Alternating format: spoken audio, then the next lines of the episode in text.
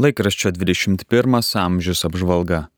Naujausiame 21 amžiaus numeryje nemažai vietos skiriama popiežiaus Pranciškaus paskelbtam rūpinimosi kūrinyje mėnesiui, kuris tęsiasi visą rugsėjį ir baigėsi spalio ketvirtąją.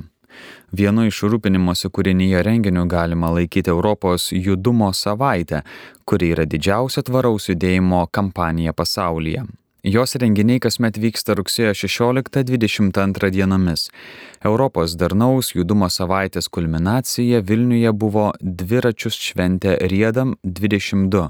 Kad dviratis gali būti ne tik patogi susisiekimo priemonė, tuo įsitikino Vilniečiai atvykę į tarptautinės dienos be automobilio renginį Riedam 22.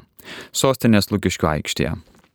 Dviračiais atvykę žmonės reikiavosi prie čia įkurto dviračių remonto centro Sutepk grandinę, kur specialistai atliko nemokamą dviračių techninę apžiūrą bei teikė priežiūros konsultacijas. Populiarumo susilaukė ir renginyje veikusios kūrybinės dirbtuvės Riedėk stilingai, kurių metu žmonės gamino įvairius aksesuarus savo dviračiams papuošti. Tarptautinės dienos be automobilio tikslas - skatinti gyventojus kuo dažniau nuosavus automobilius keisti ne tik dviračiais, Jie be abejo turi būti techniškai tvarkingi, saugus vairuojančiajam ir aplinkiniams, kaip ir bet kokia kita transporto priemonė, bet ir viešuoju transportu. Ta diena kai kuriuose miestuose jau juo buvo galima važinėti nemokamai.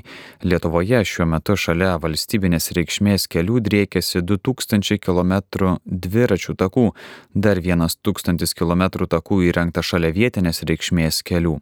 Iki 2035 numatoma šiuos rodiklius pagerinti po 1000 km. Prioritetiniais laikomi takai esantys ir nusidrieksintis miestuose ir priemesčiuose.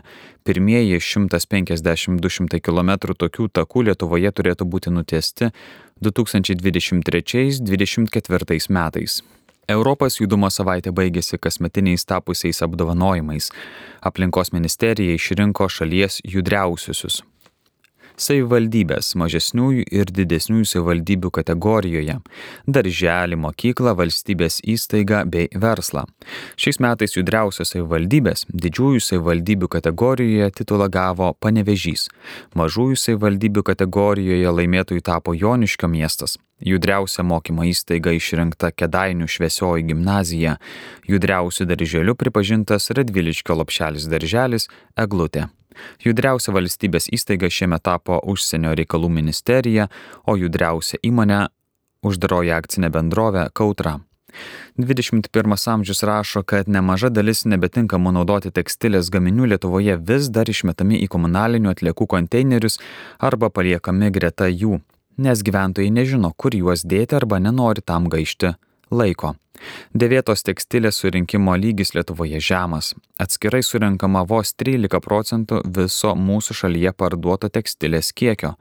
Kaip tinkamai rušiuoti tekstilės atlikas ir kur jas galima priduoti, kad kuo mažiau nukeliautų į savartynus ar būtų sudeginta, o kuo daugiau būtų panaudota pakartotinai ir perdirbta. Gyventojai nemokamai tekstilės atlikas gali atiduoti savivaldybių renktose didelių gabarytų atliekų surinkimo aikštelėse, o kai kuriuose miestuose tekstilę galima išmesti į specialius tekstilės atliekų surinkimo konteinerius. Į tekstilės atliekoms skirtą konteinerį galima dėti švarius drabužius, avalinę, rankinės diržus, užuolaidas, patalinę, minkštus žaislus. Juos reikia sukrauti į maišus ir įmesti į konteinerį, uždaryti jo dangtį. Palikti maišus su šiomis atliekomis greta bet kurių konteinerių yra draudžiama. Kai drabužiai ar kiti tekstilės gaminiai tampa nebetinkami niekam naudoti, būkime atsakingi ir pasirūpinkime tinkamų jų perdavimų atliekų tvarkytojams. ES reikalavimai pareigoja, kad nuo 2025 sausio 1 tekstilės atliekos būtų surenkamos atskirai. Vis dėlto Lietuvoje nemažai tekstilės atliekų vis dar šalinama kartu su mišriomis komunalinėmis atliekomis. Katalikams dėrėtų aplinkosauga rūpintis atsakingai. 21 amžius spausdina kelias ištraukas iš 1972 ir 1981 metų Lietuvos katalikų bažnyčios kronikos, kur rašoma, kaip milicija sekė ir trukdė maldininkams vykti į atlaidus Šiluvoje. Mindaugas Buika pastebi, kad popiežius Pranciškus kalboje Kazahstano politikos ir pilietinės visuomenės veikėjams išreiškė padėką šiai šaliai už ryštingą brandulinių ginklų atsisakymą.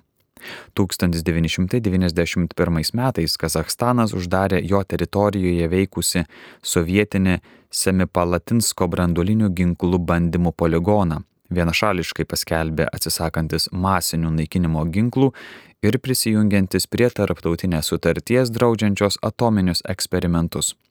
Popiežius dėkojo Kazakstanui už plėtojimą išmintingą atsinaujinančios energetikos ir aplinkos apsaugos politiką orientuotą į mažinimą priklausomybę nuo akmens anglies, kūro bei investicijas į švarius energijos šaltinius.